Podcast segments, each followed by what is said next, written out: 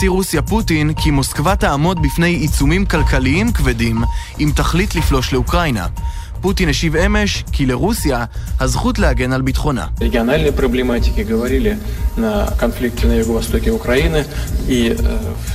ההתפרסות של נאט"ו בגבול אוקראינה היא איום על הריבונות שלנו, נפעל ככל שנידרש, כך פוטין. רמטכ"ל צבא הודו ביפין רוואט נהרג אתמול בהתרסקות מסוק בדרום הרפובליקה. איתו נספו עוד 12 בני אדם באסון, 11 קציני צבא ואשתו.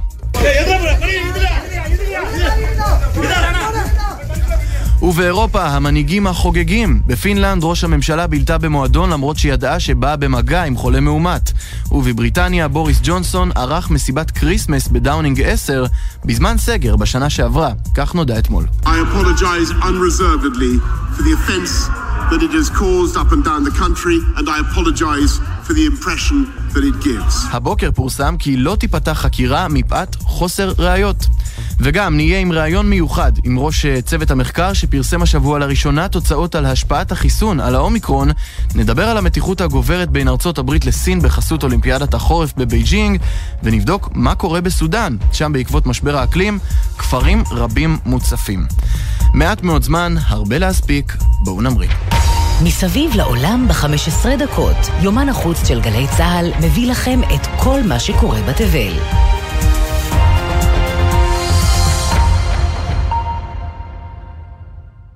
אנחנו פותחים בריאיון מיוחד עם מי שהשבוע הצליח קצת להרגיע את הרוחות באשר לבעלת האומיקרון. צוות מחקר בדרום אפריקה פרסם השבוע תוצאות ראשוניות באשר להשפעת הזן החדש על מחוסנים, ומצא כי האומיקרון לא מנטרל לחלוטין את החיסון. הוא עדיין יכול לספק הגנה. כתבתנו רומי פרידמן, את שוחחת עם ראש צוות המחקר, הפרופסור אלכס סיגל. שלום רומי. שלום טל, צהריים טובים. כן, אז השבוע פורסמו תוצאות ראשונות באשר להשפעת זן האומיקרון על מחוסנים. מחקר המעבדה שנערך אה, במכון לחקר הבריאות של אפריקה, ובדק דגימות של מחוסנים בחיסון פייזר, גילה כי האומיקרון מתחמק מהנוגדנים אבל לא לגמרי. מדובר במצב יחסית מעודד, כך גם אומר לנו בריאיון מיוחד ראש צוות המחקר, הפרופסור אלכס סיגל. החדשות הן אה, עקרונית אה, טובות, התוצאות יכולות להיות יותר גרועות. מה שאנחנו מצאנו, שהווריאנט האומיקרון כן אה, מחליש את התגובה החיסונית אבל הווריאנט הזה בעצם לא לגמרי משתיק את התגובה הזאת. תראה טל, אז אמנם נמצא במחקר כי החיסון מוריד פי 41 את יכולת הנוגדנים לנטרל את החיסון, אבל הפרופסור סיגל מרגיע ואומר לנו שהמספר הזה כנראה בוודאות ישתנה ככל שנבדוק יותר דגימות. הוא דרך אגב חשש שהחיסונים לא יספקו הגנה כלל, ומעריך כי הרמה הזו תספיק להגנה מפני תחלואה קשה. זה לא ממש משנה אם זה פי 40, 25 או פי 30, משהו כזה, זה ירידה, ירידה גדולה. מצד שני, החיסון כמו פייזר נותן הרבה הגנה. זאת אומרת שזה לא רק כמה זה יורד, אלא לאיזה רמה זה יורד. ואם הרמה היא גבוהה, אז הרמה שזה יורד היא בעצם רמה מספקת. בשביל הגנה, לפחות הגנה מפני מחלה קשה. ומה שנראה כרגע כמו הצד הבטוח ביותר, הוא מתגלה השבוע כנקודת אור באשר לזן החדש, זה החיסון במנה השלישית. במחקר שהוביל סיגל התגלה כי אנשים שנדבקו בעבר ולאחר מכן חוסנו, פיתחו הגנה גבוהה יותר מפני האומיקרון, מה שלמעשה מעיד כי חיסון במנה השלישית מספק את ההגנה הדרושה. במיוחד מפני תחלואה קשה. מה שאנחנו רואים שאם יש יותר נוגדן, התגובה בעצם היא אה, יכול להיות שמספיקה. החיסון הבוסטר הוא, הוא כנראה הדרך הכי טובה uh, כרגע לטפל בבעיית האומיקרון. כן, לדברים האלה כמובן גם קיבלנו אישור נוסף מתוצאות שפרסמה אתמול חברת פייזר בעצמה, שהראו כי שלוש מנות חיסון יכולות לנטרל את הזן. ותראה, טל, נראה שמאז גילוי הזן אה, חדש, העולם נמצא במרוץ לגלות כמה שיותר על האומיקרון, ובתור אלו שפרסמו ראשונים תוצאות באשר להשפעת הזן על המחוסנים, הפרופסור סיגל שיתף אותנו קצת על התהליך. הלא פשוט בכלל. אנחנו עבדנו כמעט מסביב לשעון. זו הייתה עבודה מאוד קשה, שהיינו צריכים להגיע ממצב שאנחנו קיבלנו וירוס למצב שאנחנו יודעים מה הוא עושה לפחות מבחינת הנוגדנים תוך פחות משבועיים, שזה סקאלה זמן מאוד מאוד קצרה למחקר כזה. חשוב לציין, טל, לסיום, התוצאות שמגיעות בימים האחרונים הן תוצאות ממחקרי מעבדה, כלומר, גם הם לא מספקים תמונה מדויקת לחלוטין באשר להשפעות זן האומיקרון ואיך הוא משפיע על כלל האוכלוסייה בעולם האמיתי ולא בתוך המעבדה. הפרופסור סיגל מעריך שתמונת מצב מדויקת יותר על האומיקרון תהיה לנו תוך שבועות. ממשל ביידן הודיע השבוע כי יחרים את אולימפיאדת החורף הקרובה שעתידה להתקיים בבייג'ין. בוושינגטון נימקו את הצעד כהחלטה ערכית, אבל ברור שהאינטרס האמריקני כאן רחב הרבה יותר. שלום לכתבתנו גל אשד. שלום טל, ממשל ביידן הודיע השבוע כי לא ישלח נציגים דיפלומטיים או גורמים רשמיים מטעמו לאולימפיאדת החורף בבייג'ין. הסיבה למהלך, כך טוענים בוושינגטון, היא הפשעים נגד האנושות ורצח העם בשינג'יאנג, שמתרחשים בחסות השלטונות הסינים. למרות זאת, משלחת ספורטאים אמריקנית תפקוד את האולימפיאדה כרגיל, זאת כדי לא לפגוע בהישגיהם הספורטיביים. בעקבות ארצות הברית, קנדה, בריטניה ואוסטרליה הודיעו כי הן ילכו בדרכה, ויחרימו גם הן את המשחקים ב-2022. סין לא נשארה אדישה והזהירה שאותן מדינות ישלמו על מעשיהן. ואם נחזור לרגע לראשונה שהובילה את המהלך, בזמן שבארצות הברית מנסים להתמודד עם אתגרי המאה ה-21, אנחנו נזכר באתגרים הרבים שליוו את מערכת היחסים ההפכפכה בין המעצמות כבר במאה הקודמת. האירועים המשמעותיים בכתבה שהכנו.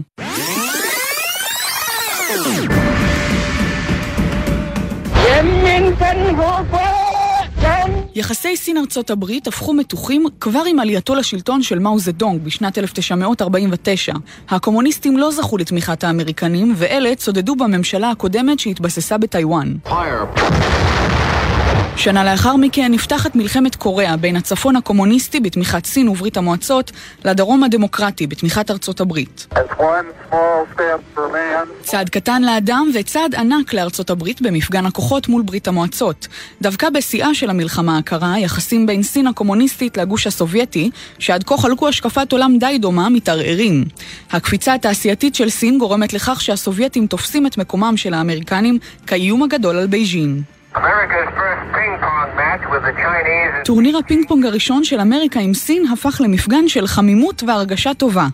הודות למלחמה הקרה, היחסים התחממו, ובשנת 71 נבחרת הפינג פונג האמריקנית הוזמנה למשחק ידידותי בסין. הצעד הזה, שכונה לימים דיפלומטיית הפינג פונג, הפך את הספורטאים והמשלחת שליוותה אותם לאמריקנים הראשונים שנכנסו לסין מאז ההפיכה הקומוניסטית. רק אז, אחרי יותר מ-20 שנה, הכירו האמריקנים באופן רשמי בקיומה של הרפובליקה העממית, והנשיא ניקסון ביקר בה בעצמו זמן קצר אחר כך. הכוחות יורים ללא הבדל ועדיין אלפי אנשים ברחובות לא מוכנים לסגת. בשנת 89 אלפי סטודנטים מוחים בכיכר טייננמן בבייג'ינג נגד השחיתות ובעד הדמוקרטיה. השלטונות בתגובה שולחים כוחות מזוינים שטובחים במאות מהמפגינים ופוצעים אלפים. הסיקור העולמי הנרחב של הטבח גורם להקפאת היחסים עם הרפובליקה מצד ארצות הברית. בשנת 2000 מבינים בסין שהמילניום החדש דורש גם גישה כלכלית חדשה, והיא מצטרפת לארגון הסחר העולמי. תמיכה בכניסה של סין לארגון הסחר העולמי חשובה לא רק לאינטרס הכלכלי שלנו, אלא לאינטרס הלאומי הכללי של ארצות הברית, הכריז נשיא ארצות הברית דאז ביל קלינטון, שאחראי על נרמול יחסי המסחר בין המעצמות. עשור לאחר מכן, סין הופכת לכלכלה השנייה בגודלה בעולם, והאמריקנים מתחילים להרגיש מאוימים.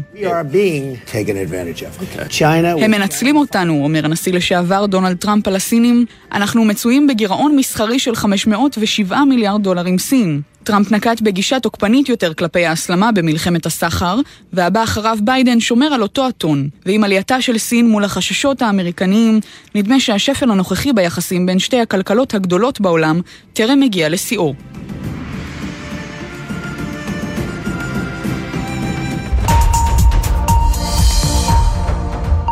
אם כאן בישראל מטרידים אותנו עניינים כמו העומס בכבישים או משבר הדיור, אזרחים בדרום סודאן מוטרדים מעניין אחר לגמרי.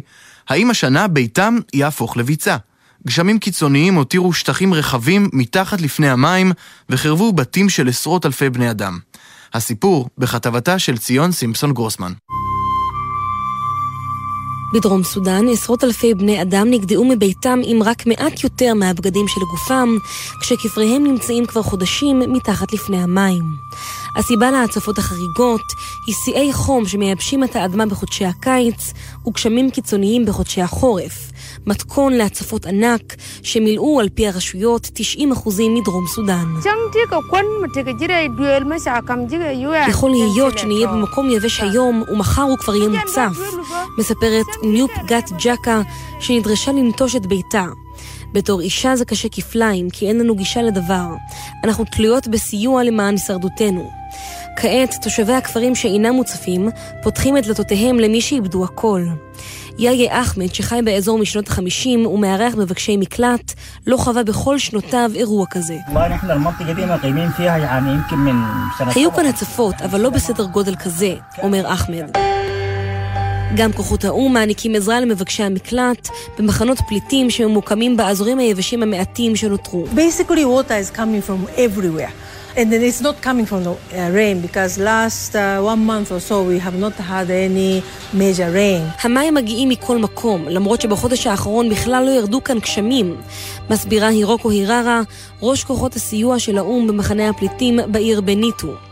בינתיים בממשלה טוענים כי אין להם איך להתמודד עם המצב. We don't have any sufficient for survival. We are just worried about the next rain because we are told the water behind me will not recede right now. Or dry up, it's going to take a while because it's deep water. אין לנו איך לשרוד, אומר שר התשתיות לאם טונגוואר.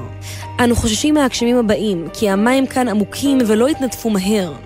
דרום סודאן המוצפת היא תזכורת מרה להשלכות הקשות של משבר האקלים. כעת, בנוסף לרעב, לעוני ולחולי שפוקדים את מדינת העולם השלישי, לא נותרה לתושבים אפילו קרקע יבשה. וכהרגלנו נסיים עם אנקדוטה מוזיקלית. כשסטיבן ספילברג היה בן עשר, הוא שמע לראשונה את שירי המחזמר סיפור הפרברים, ואז הוא התאהב. מאז יש לו חלום, לביים לו גרסה קולנועית, והיום הוא מגשים אותו.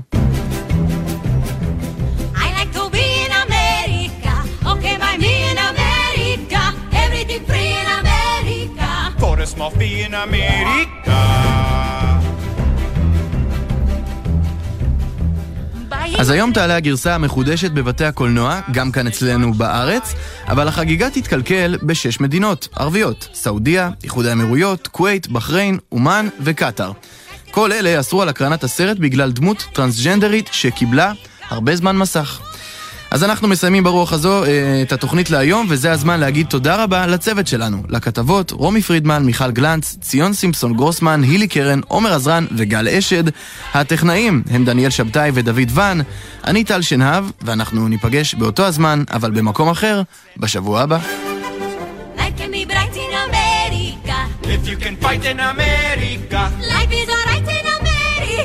If you're all white in America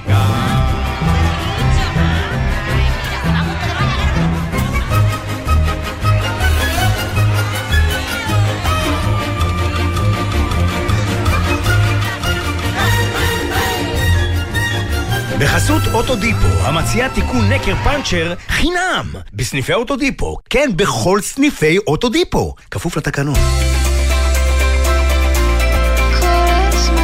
גלי צה"ל, יותר מ-70 שנות שידור ציבורי.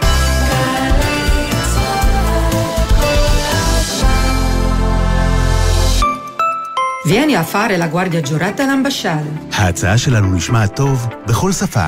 בוגרי יחידות קרביות. חטיבת הביטחון של משרד החוץ מזמינה אתכם להיות מאבטחים דיפלומטיים באחת משגרירויות ישראל ברחבי תבל. בואו להיות חומת המגן של ישראל בחו"ל, ותוכלו ליהנות מקריירה שונה, מלאה תחושת שליחות מאתגרת ונתינה למדינה. פרטים באתר משרד החוץ. פסטיבל צלילי ילדות בתיאטרון חולון חוזר. דני סנדרסון, מיקי קאם, דני רובס, קרולינה, שי צברי ועוד, במופעי מקור לילדים ולמשפחה. 19 עד 21 בדצמבר בתיאטרון חולון. בין קריית שמונה לירושלים יש כ-20 גלידריות. והן 20 הזדמנויות להרגיע את הילדים המשתוללים מאחור מבלי להסתכן, ולהגיד להם שאם זה יימשך ככה, הם לא יקבלו גלידה ועכשיו מסתובבים הביתה. אף על פי שלא. והכל בלי להסתכן שמישהו יפגע בכם חלילה. אז בנסיעה הבאה אל תעצרו בשולי הכביש ואל תסכנו את החיים שלכם וחיי ילדיכם. למידע נוסף חפשו אסקרלבד, מחויבים לאנשים שבדרך. מיד אחרי החדשות, עידן קבלר ואורי אוזן.